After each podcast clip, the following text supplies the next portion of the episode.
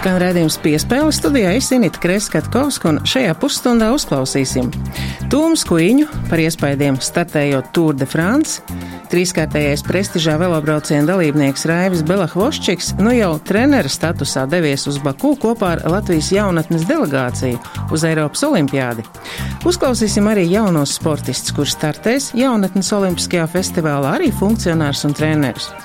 Iepazīsim tuvāk Eiropas čempionu vieglatlētikā vecumā līdz 23 gadiem Sindiju Bukšu. Statistiķis Andris Staģis atgādinās arī par viņas treneru Mārītu Lūsi, bijušo vizlu, kas savulaik arī ļoti ātri skrējusi un bijusi pirmā, kuras rekords sprintā fiksēts ar elektronisko laika mērīšanas sistēmu. Turpinās Tour de France daudzdienu velobrauciens, kas notiek kopš 1903. gada. Katru gadu jūlijā, parasti 21 dienu, velobrauciens nav noticis tikai no 1915. līdz 18. Pirmā pasaules kara dēļ un no 40. līdz 46. gadam, jo bija otrais pasaules karš. New York Times salīdzinājis velobraucienu ar maratonu skriešanu vairākas dienas nedēļā, kā arī uzkāpšanu trīs Everestu augstumā. Šī būs retā un ekskluzīvā iespēja piespēlēt dzirdēt vienīgo mūsu dalībnieku šajā prestižajā turē, Tomu Skuiņu un vārds kolēģim Mārtiņam Kļaviniekam.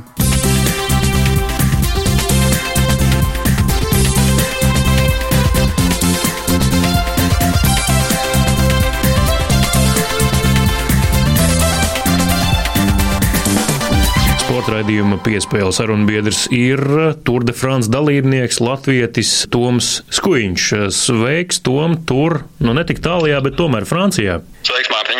Mūsu saruna norit pirmajā brīvdienā pēc Tour de France ievada, vairāk posma aiz muguras. Cik ļoti tev pašam personīgi bija nepieciešama šī atpūtas diena? Īstenībā, ja godīgi, vakar nejūtos tik švaki, un šodien arī jūtos diezgan labi. Līdz ar to nebija tā, ka pavisam, pavisam nepieciešama, bet, jā, protams, tīri tādēļ, ka zinu, kas gaidāms nākamajās dienās, tad tomēr nedaudz ķermenim jādod atpūsties un mini traumiņām, mini skrāpītēm varbūt iedot nedaudz vienu dienu kur tu uz riteņa nepavadi vairāk kā 4 stundas vismaz. Tour de France īstenībā jau jebkurš daudzdienu velobrauciens ir ļoti daudz spēkus prasošs no muskuļiem, arī no prāta. Kas ir tie paņēmieni, kā tu šajā dienā vispār atjauno savu ķermeni un garu arī varbūt? Mēģinam tādās dienās kā šodien noteikti nedaudz ilgāk pagulēt, jo nevienmēr izdodas izgulēties pilnu nakti, jo sanāk vēl vakar un dažreiz agri rīti. Atgriezāmies no neliela treniņa, ko izbraucām, izbraucām ap 45 km.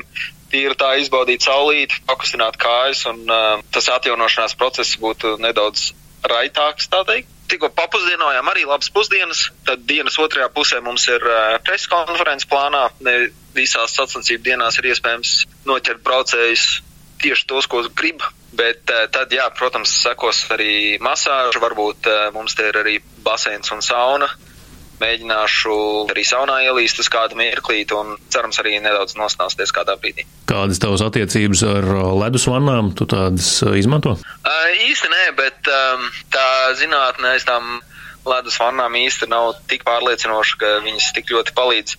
Protams, karstās dienās tīri patīkami ir pielīst viņās, bet uh, tas, ka viņas varbūt uzlabotu tieši fizisko stāvokli īsti, varbūt tādas zinātnes tur tik tik labs nav. Tas par aizkulisēm un atjaunošanos. Parunāsim par sacensībām. Kāda vispār ir tā noskaņa šobrīd Treks Egefredo komandā, jo komandas biedrs Itālis, nu kādu laiku viņš bija līderis īsu brīdi gan, bet nu, tā laikam bija tā, tā, tā laimīgākā līdz šim tūras daļa jūsu komandām. Jā, protams, viņš otrais posmā palika un tad arī pārņem to līderu pozīcijas uz divām dienām, bet arī pēc tam divām dienām viņš bija labākais jaunais braucējs, bija arī komandu kopratējums, bijis patīkamāk, ja, ja brīvdienā mēs ieietu ar to balto jaunā labākā braucēja krēklu mūsu komandā un arī komandu kopratējumu, tā teikt, vēl azotē, bet, nu, jā, cīnīsimies gan par vienu, gan par otru, es domāju, jo vēl tomēr mēs pat pusē neesam. Pagājušajā gadā tu sagādāji lieliskas emocijas gan līdzjutējiem Latvijā, gan visā pasaulē. Kalna karaļa krekliņu pavalkāja kādu brīdi. Kas šogad notika piektajā posmā pastāsti? Nu, mēs ar kolēģiem diezgan sparīgi jutām līdzi skatoties Eirosporta tiešraidi, ka ir cilvēks vienvadībā, un tas ir Toms Skuiņš, un vēl pirms pēdējā kāpuma. Tom, nu kā tu atceries tagad to posmu? Pats stūra sākums man bija diezgan smags, līdz ar to tajā posmā bija patīkami beidzot atkal sajusties kā cilvēkam, tā teikt. Bijām četratā atrāvienā visu dienu, bet uh, mums nevienu brīdi neiedeva pārāk lielu pārsvaru, līdz ar to mēs zinājām, ka būs diezgan grūti noturēt to pelotonu tajā atstarpē un finišēt pirms viņiem. Bet, uh, jā, kad jau pārsvars mums sāka sarukt un bija nedaudz zem minūtes, tad pārņēma iniciatīvu saviem pleciem un, uh, un mēģināja tomēr uh, noturēties. Un, nu, Jā, pēdējo kalnu sākot man bija laikam 30 sekundžu pārsvars, un uh, mm. tas nebija pietiekoši. Bet, uh, ja būtu kādas 20 sekundes vairāk, tad varbūt arī būtu izdzīvojis līdz kalna galam, un ja izdzīvot līdz kalna galam, tad jau tā spēle pārvērstos pavisam citā virzienā, jo pēc tā pēdējā kalna pauguriņa bija nobrauciens, mm. kurā es atkal varētu atvinēt kādu laiku lielai grupai. Un uh, tad bija atlikuši tikai 9 km pa līdzi, un, un tur uh, viss kā var gadīties, ka kāds nesadala, kuram pietiekoši daudz braucēju, lai ķertu, un tad, tad tas varēja pārvērsties nedaudz labākā dienā. Bet jā, nu, katrā ziņā tāpat bija patīkami nedaudz parādīt Latvijas karogu televīzijas ekrānos visā pasaulē. Kāda ir situācija un nu, priekškara otra puse šādās situācijās, kad jūs vairāk esat atrāvienā, kurā brīdī un kādu varbūt padomu vadīts tu nolēmi, ka tagad es ņemšu tēlēni izsakoties stūri savās rokās, iešu vadībā, vai tev ir kāds informācijas nodevējs vai mehānisms, kā informācija tiek nodota no komandas vadības, ka tu drīksti to darīt, vai tu vienkārši novērtē situāciju un dari? Nē, nu, tas ir vairāk tīri, kā iegriež tā taktiskā puse sacensību gaitā. Protams, arī tev ir jābūt spējīgam to izdarīt. Tajā brīdī, jā, mums tas pārsvars zuda, un, eh, ja es nebūtu pārņēmis tā teikt, iniciatīvu savās rokās, tad uh, mēs visi četri tāpat vien arī būtu noķerti 5 km vēlāk, teiksim, jau iepriekšējā kalnā. Es, protams, būtu cerējis, ka viņi man tur līdzi un ka mēs varam turpināt četrtā vai trijotā vai kaut vai divatā. Jo tad tomēr tev ik pa brīdim ir kāds nedaudz attāls brīdis, kad tu vari pasēdēt aizējā, bet uh, jā, puiši bija saguruši nedaudz vairāk par mani un, eh, un nespēja turēt līdzi. Ko tu pierādīji ar šo savu arī pietiekami labo sniegumu vēl līdz pēdējiem kāpumam? Eh, varbūt kādu uzsitienu pa plecu no komandas biedriem vai varbūt uzslavu no vadības, eh, kā tur bija beigās? Jā, gan komandas biedri respektēja, tā teikt, manu cīņu un arī oponenti. Nākamajā dienā tomēr bija tā, ka bija vīri, kas piebrauc klāt un pateica, no, nu, cīt vakar, vakar mums tevi noķert grūti bija vai mm. labs brauciens vakars vai kaut ko tā, jā tas arī liek tādai globālai domai par tevi. Varbūt liki par sevi mainīt tādas globālas domas, vai ne? Varbūt, ka bija kādi vai kāda cilvēka grupa, kas tevi uztvēra par tādu ogļu raci un palīgu, un tagad tu pierādīji, ka tu varbūt arī tas juvelieris, kurš tās klavieres var uzspēlēt. Nē, nu es nedomāju, ka tur kaut kas baigi diži mainījās, jo, ja es būtu aizbraucis līdz galam, tad varbūt kaut kas būtu mainījies, bet ko šādi jau cilvēki zināja, ka es spēju, un tas nebija īsti pārsteigums, jo tas viens no tiem iemesliem, kāpēc mums nedēļ to lielo pārsvaru bija, jo tāpēc, ka viņi zināja, ka mēs tie četri, kas mēs bijām priekšā, esam diezgan spēcīgi. Tas mm. arī bija viens no galvenajiem iemesliem, kāpēc mums nedēļa to pārsvaru tik lielu, jo zināja, ka jau tā būs grūti mūs noķert pēc tam. Tom, eh, tavs otrais gads tūrē pastāst, kā tas atšķirās no pirmā gada. Nu, tu vairs eh, neesi ar vaļā muti un lielām acīm, tu jau spēji izbaudīt, novērtēt lietas. Jā, noteikti pagājušajā gadā bija tā, ka viss bija jauns, viss bija spīdīgs un uh, ļoti daudz cilvēki un viss bija viens liels pārsteigums, bet uh, tāpat laikā tur ir uh, tik liela, ka tev līdz nākamajam gadam jau viss tas aizmirstās. Tad uh, viss sākās pa jaunu, un tev nedaudz, protams, tu pierod, un nav tik liels tas viss, tik ļoti daudz nepārsteidz, bet uh, jā, tāpat laikā viss vēl joprojām liekas. Uh, ka nestāv nekam citam klāt, kā tikai tūrei. Tu jau minēji par uzturu pagājušajā gadā, nu ne tikai uh, Tour de France, bet iepriekš jau bija tas mīts par tevi kā kartupeļu vīru, tā starptautiskā iesauka. Pastāst, cik daudz ir humors un cik īsti ir taisnība tajās intervijās, nu, kur tu, protams, spēlē līdzi arī kaut kādā veidā intervētājiem, bet tomēr, cik tur ir patiesība tajā visā? Nē, nu, protams, daudz, liela daļa ir humors un liela daļa tas ir vienkārši smieklīgi, bet um, diezgan daudz ikdienā es ēdu, nu, labi, varbūt katru dienu es neēdu kartupeļus, bet uh, diezgan daudz es ēdu kartupeļus, gan brokastīs, gan pusdienās, vakariņās, kā kur reizi, bet, uh, nu, mm. kā Latvijā jau uh, tomēr pats zini, virtuve. Tā ēdienkārta jau sastāv diezgan daudz no kartupeļiem. Mums ir mm. kartupeļu pankūks, mums ir kartupeļu zupā, kartupeļi varbūt saldē ēdienā nav, bet Un īstenībā ir, es esmu ēdis arī eh, vairākus eh, arī kartupeļu deserta recepts, kas ir diezgan garšīgs, protams. Mm. Tas tēls tevi arī tur uztver, atceras kādi cilvēki tieši no šādām intervijām un ar to tēlu, nevis varbūt ar pagājušā gada um, Kalnu karaļa krekliņu vai ko citu, bet tieši ar šo ir tāda cilvēka grupa, kas tev asociē ar šīm humoristiskajām intervijām. Nu, noteikti ir, jā. noteikti ir arī cilvēki, kas vairāk dzird par uh, par kaut kādiem amizantiem notikumiem, kā Tour de Francijā Krakula. Tāda lūk Latvijas radio klausītāji saruna vēl ar riteņbraucēju Tomu Skuiņu. Viņš šobrīd cīnās vienā no leģendārākajiem, iespējams leģendārākajā pasaules velobraucienā Tour de France. Tom, paldies par šo sarunu. Vēlam veiksmi izdošanos arī turpmāk un galvenais veselību. Un tad gan jau būs vēl kāds posmiņš, kur tu varēsi to Latvijas karogu parādīt vēl spilgtāk un tā, lai tas plīvo pa priekšu visiem. Sārnāt, cerēsim pēc labi nobrauktiem mačiem un tieši no radio, no radio sporta raidījumiem. Tie ir tie pirmie cilvēki, kuri ar maniem runā. Varbūt es esmu sākusi arī sevi kā basketbolistu novērtēt vairāk. Šodien Baku atklās Eiropas jaunatnes olimpisko festivālu. Latvijas delegācijas karognesēja ceremonijā būs Una Dogļeviča, Eiropas kadeta vicečempione judo.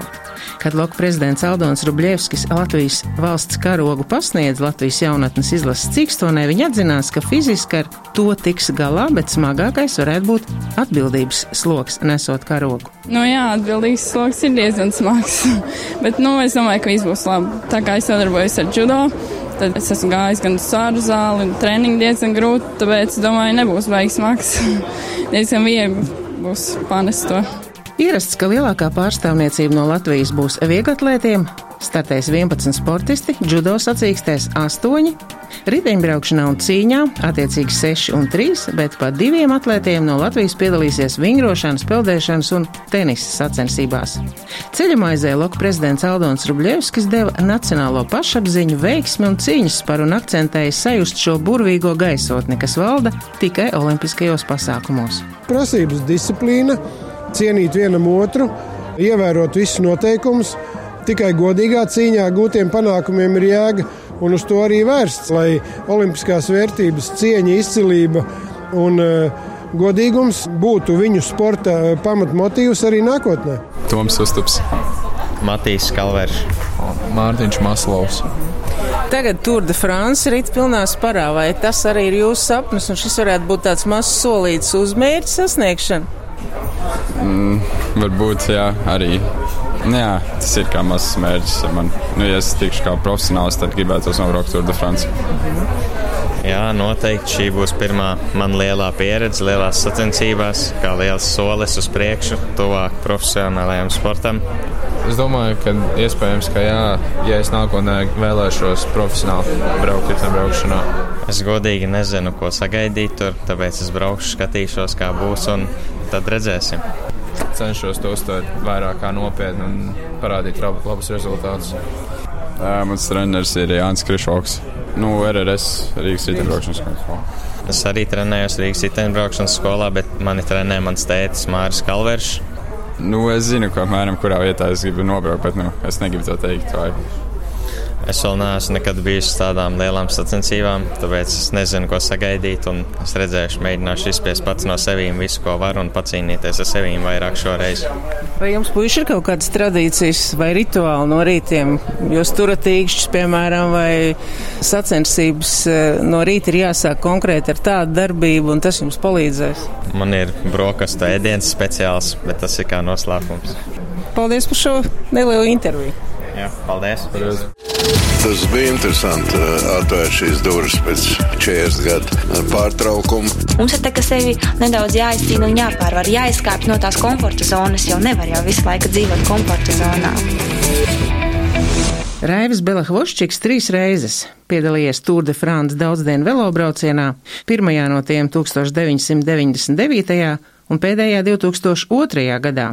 Divas reizes startējis arī Giro d'Itālija turē, 99. gada pasaules čempionātā Trevizo ieņēma 4. vietu individuālajā braucienā. Tagad viņš ir viens no tiem 15 treneriem, kuri dos padomus mūsu jauniešiem Baku, startējot Eiropas jaunatnes olimpiskajā festivālā. Raivs Balahvoščiks, nu jau laikam varat uh, ar tādu uh, gandarījumu teikt, ka jau jaunā maiņa ir izaudzināta un arī pašsatos jau brauc līdzi, ir tā? Nu jā, jau iepriekšējā jaunatnes olimpiādē piedalījās Kristiāns, uh, mans vidējais dēls. Un, un tagad Laura Belahvošika piedalās pie jaunietēm. Visu šo laiku tiek nodots tās sava sporta veida riteņbraukšanas kultūra, un, un, un bērni jau no mazotnes gribējuši trenēties riteņbraukšanā, vest uz starptautiskām sacensībām. Kā rezultāti, tāpēc parādās ieguldītais darbs atspoguļo. Ir sociālajie mēdīji piesaistīti salīdzinām ar maniem laikiem. Skaidrs, ka Tour de France bija mēdīju vislielākais pasākums, kur vislielākais sportistam stress bija ar, ar visām intervijām un visi sekoja. Bet uh, arī tagad ļoti daudz attēlo Eirosports uh, riteņbraukšanas sacensības, visas, kuras pat iepriekš nebija.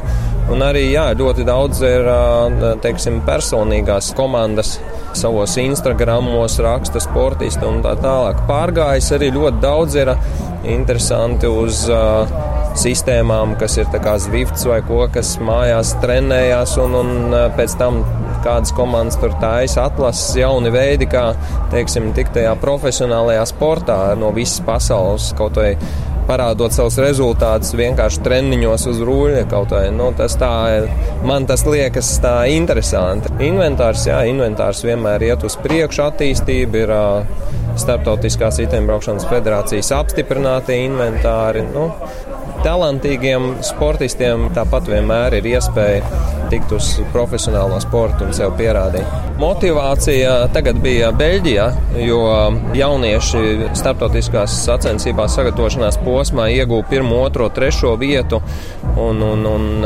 pēc tam vēl ieguva vēl vienu pirmo vietu. Tā bija pirmā lielākā motivācija, jo Latvijā nav tik liels jauniešu sastāvs sacensībās, kas piedalītos kā starptautiskajās sacensībās, un, un ka viņi redzēja, ka viņi kaut ko var tur sasniegt, tā es domāju, lielākā motivācija. Savādāk aizbraucot uz tik augstu līmeņa sacensībām, viņiem būtu grūti noticēt pašiem saviem spēkiem. Labi, paldies, veiksim! Paldies! Puika atsūtīja īziņu, kopi, tavi sapņi piepildās. Tā forma ir svarīga vairāk mēdījiem, skatītājiem, kā mūsu sportistiem ir uh, cita forma, sportiskā forma ir svarīga. Skan raidījums piespēle studijā Esinīt Kreskatkovska un raidījuma izskaņā iepazīsimies tuvāk ar Latvijas ātrāko sprinteri. Sindija Bukša nulaka atgriezusies ar zelta medaļu no Eiropas čempionāta vecumā līdz 23 gadiem. Šodien redzījumā piespēle man prieks ir sveikt Sindiju Bukšu. Labdien, Sindija! Labdien! Apsveic vispirms ar um, izcīnīto zelta medaļu Eiropas čempionātā vecumā līdz 23 gadiem. Paldies!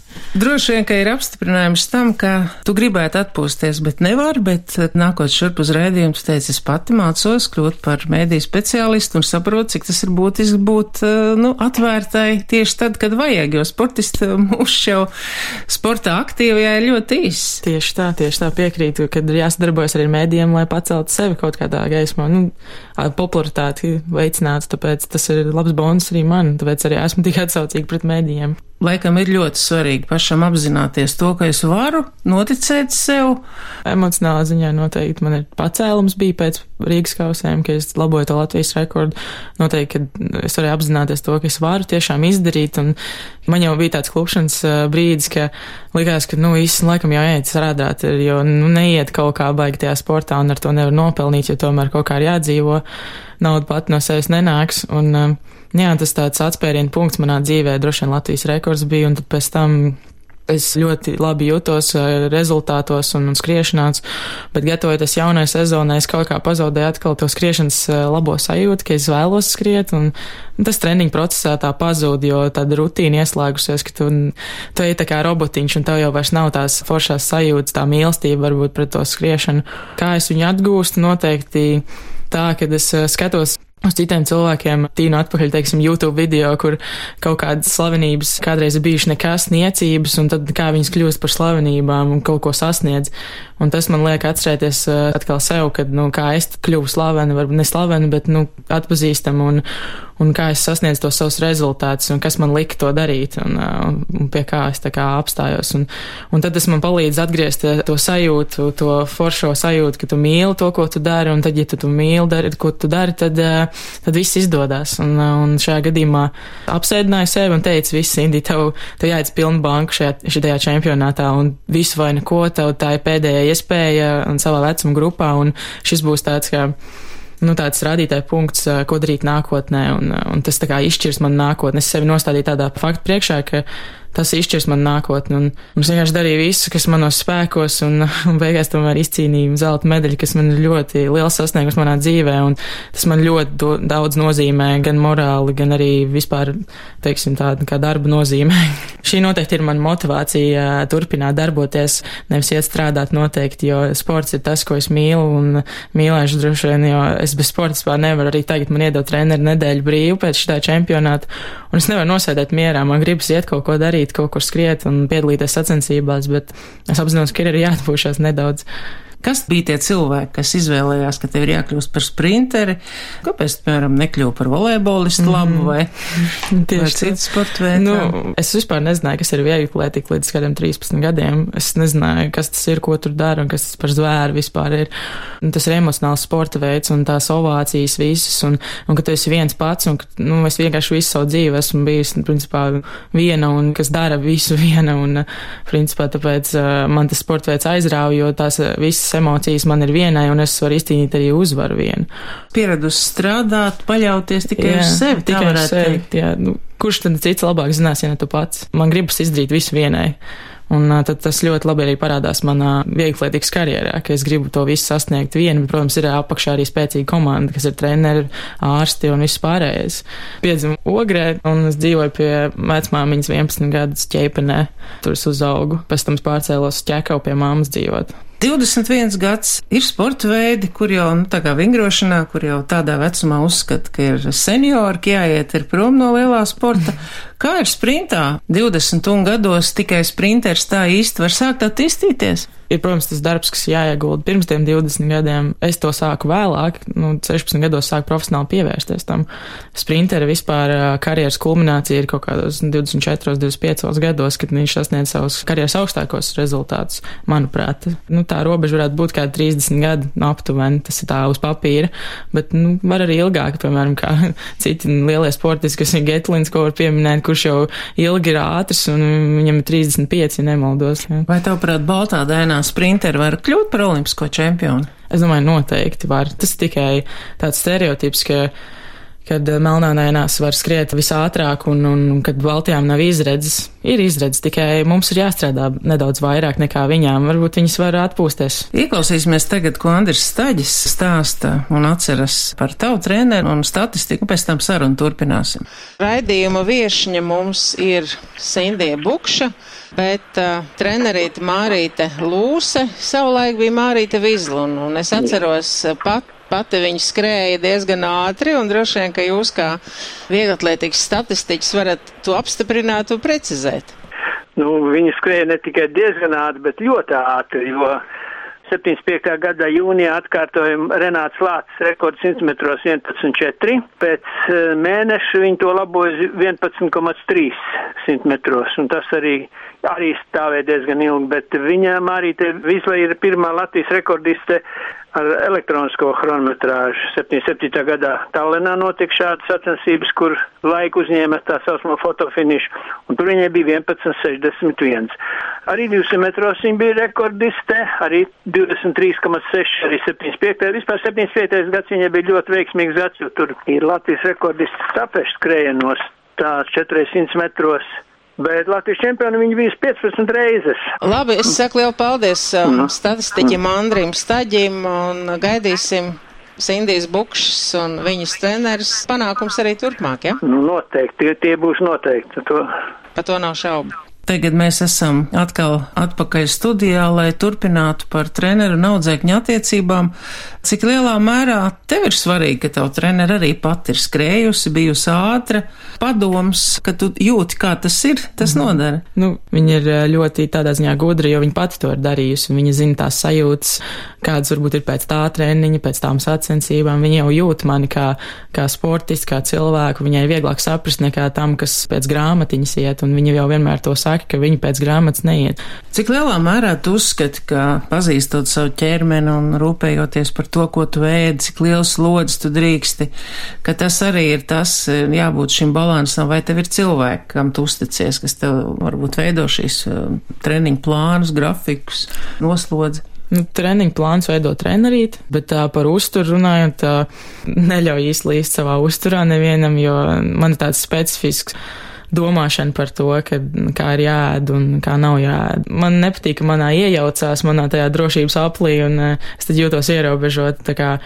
Es ēdu to, ko es gribu, bet eh, tajā pašā laikā veselīgi un sabalansēti, jo nu, sprinters nekad nedrīkst būt, teiksim, tā bada stāvoklī, ka viņam gribas ēst. Un, uh, es esmu pamēģinājis dažādu tipu diētas, ne jau tas, ka tu nēdi, bet uh, nu, pielāgot sportistam tas man nav nācis par labu baigi, un tāpēc es cenšos vairāk arī pēc sajūtām, jo vieglētīgs, jau teicu, ir emocionāls sporta veids, un ja tu gribēsi sacensību rītā apēst uh, McDonald's nuggets, tad apēd nuggets, tā kā tas tiešām ir tā ļoti subjektīvs viedoklis, uh, jo katram, katram ir tā īpašā pielāgotā ēdienkarte, kuru nevar tā kā veselai masai pielikt klāt, tāpēc katrs esam individuāls, gan ar raksturu, gan ar vispārējo, tāpēc, domāju, ēdienkarte ir tas pats. Mums šajā redījumā bija viens kartums kartupeļēdājs redzījuma sākumā Toms Skuiņš, kas šobrīd piedalās Tour de France, viņu jau starptautiski sauc par mm -hmm. kartupeļēdāju. nu, es vispār cenšos izvairīties no balto miltu ēdieniem, kas ir, nu, tiem parastie makaroni un arī kartupeļi. Cenšos vairāk brūnos rīsus, brūnie makaroni, nu, kur ir vairāk tās šķiedru vielas un vajag pielāgot savu ēdienu, kas jau garšo un, un nu, tā bērnībā ļoti daudz ēd kartupeļus. Tas gan fakts pie omītes dzīvojot, bet man arī garšo, bet, nu, no viņiem vajadzētu manā manā gadījumā izvairīties sprinta disciplīnās, jo viņi vairo tādas vielas, kas uh, man piedzen muskuļus ātrāk, tāpēc mm -hmm. jācenš izvairīties. Tagad raidījuma izskaņā droši vien runāsim par to, kā sasniegt dohu, lai aizkļūt līdz pasaules čempionātam. Ir laikam lietas arī, kas dod šīs emocijas, nu kaut vai tagad izcīnītā zelta medaļa, tā publicitāte, kas arī tev ir. Nu, ir cilvēkam vajadzīgs šis balans grāmatas, kino vai varbūt tu raksti dzēju, varbūt spēlē ģitāru. Kas ir tas, kā tu uzņem šo vai atgriežoties Latvijā, tev ir kādas vietas, kur tu gribi aiziet vai mhm. vienkārši pie dabas. Nu, kā tu to uzņem visu? Parasti aizbrauc pēc kaut kādām tādām lielām sacensībām, aizbrauc pie omītes un pie dabas tiešām, un kuras esmu viena bez interneta, jo tur diezgan zona slikta, tāpēc, un tas ir tā, tā atslēgšanās. Un uh, otra lieta ir noteikti mūzika, ar ko es aizraujos. Varbūt tikai šobrīd klausīšanās ziņā, ka es klausos mūziku un es pazūdu tajā. Un, um, es, protams, arī, eh, kā pieminēju dzēju, tad eh, es atceros, jā, es rakstu arī dzēju, bet tā, tas tāds malā nolikts, eh, un to es nevienam īsti nerādu. Tas tāds personiski vairāk tajos brīžos, kad es jūtos labi ļoti vai ļoti slikti, es rakstu to. Un tā jau tā parasti ir ar to dzēju. Protams, ar tikšanās ar draugiem un, un, un paņem šīs te brīvās dienas pēc svarīgām sacensībām, kad tu pilnībā neredz ne stadionu, ne naglenes, lai pilnībā izslēgtu to sportu kaut kādā ziņā arī ārā, jo viņš var būt arī par par daudz, kā es esmu agrāk pieminējusi. Tiešām, tāpēc vajag atrast tās foršās lietiņas, kas tev patīk darīt, mm -hmm. ko tev patīk darīt.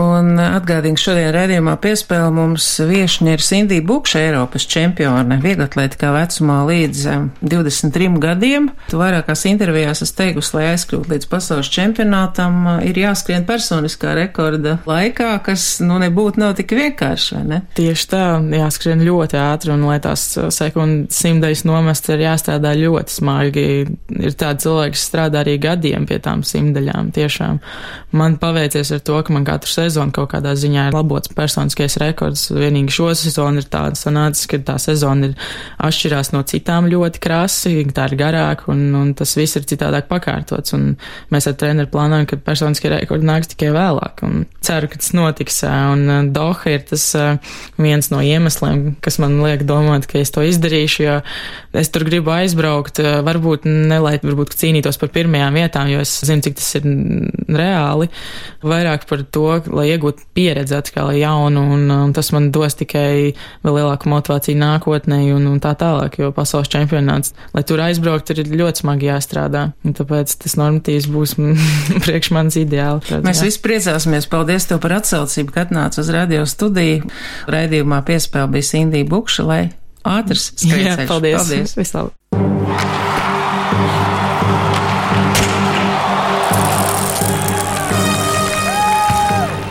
Izskan redzējums piespēle, sportisku nedēļas izskaņu vēlām Esinita Kreskatkovska, Mārtiņš Kļavinieks un skaņu operators Valdis Raitums.